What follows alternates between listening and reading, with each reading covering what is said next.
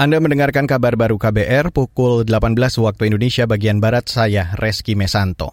Saudara Bareskrim Mabes Polri menyita uang sebesar 8 miliar rupiah dalam kasus dugaan penyelewengan dana yang dilakukan lembaga filantropi Aksi Cepat Tanggap atau ACT. Juru bicara Mabes Polri Nurul Aziza mengatakan penyitaan itu dilakukan dari sejumlah rekening milik yayasan ACT. Data terbaru, penyidik berhasil mengamankan blokir sejumlah dana yang tersisa sebesar 3 miliar di beberapa rekening Yayasan ACT.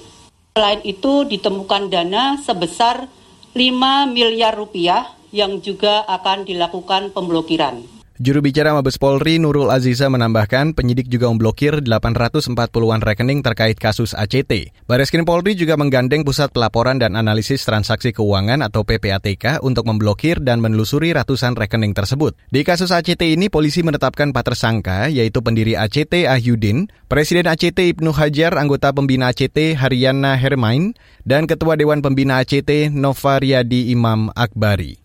Beralih ke berita selanjutnya, Saudara. Menteri Komunikasi dan Informatika Johnny G. Plate buka suara terkait situs judi online yang mendaftar sebagai penyelenggara sistem elektronik atau PSE. Ia mengatakan kementeriannya tengah mendalami dan klarifikasi terhadap situs yang dimaksud. Menkominfo Joni memastikan akan memblokir situs judi online itu karena melanggar peraturan perundang-undangan di Indonesia. Namun karena ada beberapa yang mendaftar sebagai PSE, berarti itu kan mendaftar secara, secara legal. Ya, kami sedang melakukan klarifikasi dan pendalaman.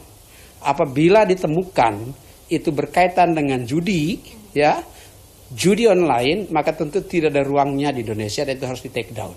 Mudah-mudahan dalam sehari dua hari ini itu juga selesai. Menkominfo Johnny G. Plate menyatakan kementeriannya tidak akan melakukan take down atau pemblokiran situs tanpa klarifikasi dan pendalaman karena dapat memunculkan masalah baru.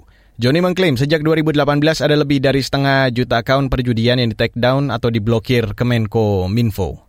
Saudara, Ikatan Dokter Anak Indonesia atau IDAI mengungkapkan virus cacar monyet atau monkeypox rentan menular terhadap bayi dan anak dengan masalah imun termasuk warga lanjut usia. Ketua Umum Pengurus Pusat IDAI, Primpim Basarah Yanuarso meminta masyarakat terutama kelompok rentan menerapkan perilaku hidup bersih dan sehat, terutama saat anak-anak melakukan pembelajaran tatap muka di sekolah. Adapun masalah eh, PTM ini tentu mengikuti ketentuan yang berlaku ya. Saya kira SKB 4 Menteri itu sudah sangat baik. Kalau saja aturan-aturan mainnya diikuti, itu insya Allah buat PTM.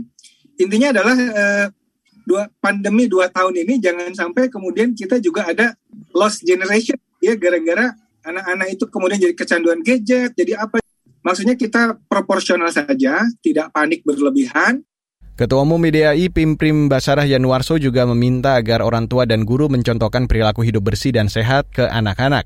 Perilaku hidup bersih dan sehat ini sangat dianjurkan mengingat belum tersedianya vaksin khusus perlindungan dari virus cacar monyet, meski penularannya tidak secepat dan semudah penularan virus COVID-19.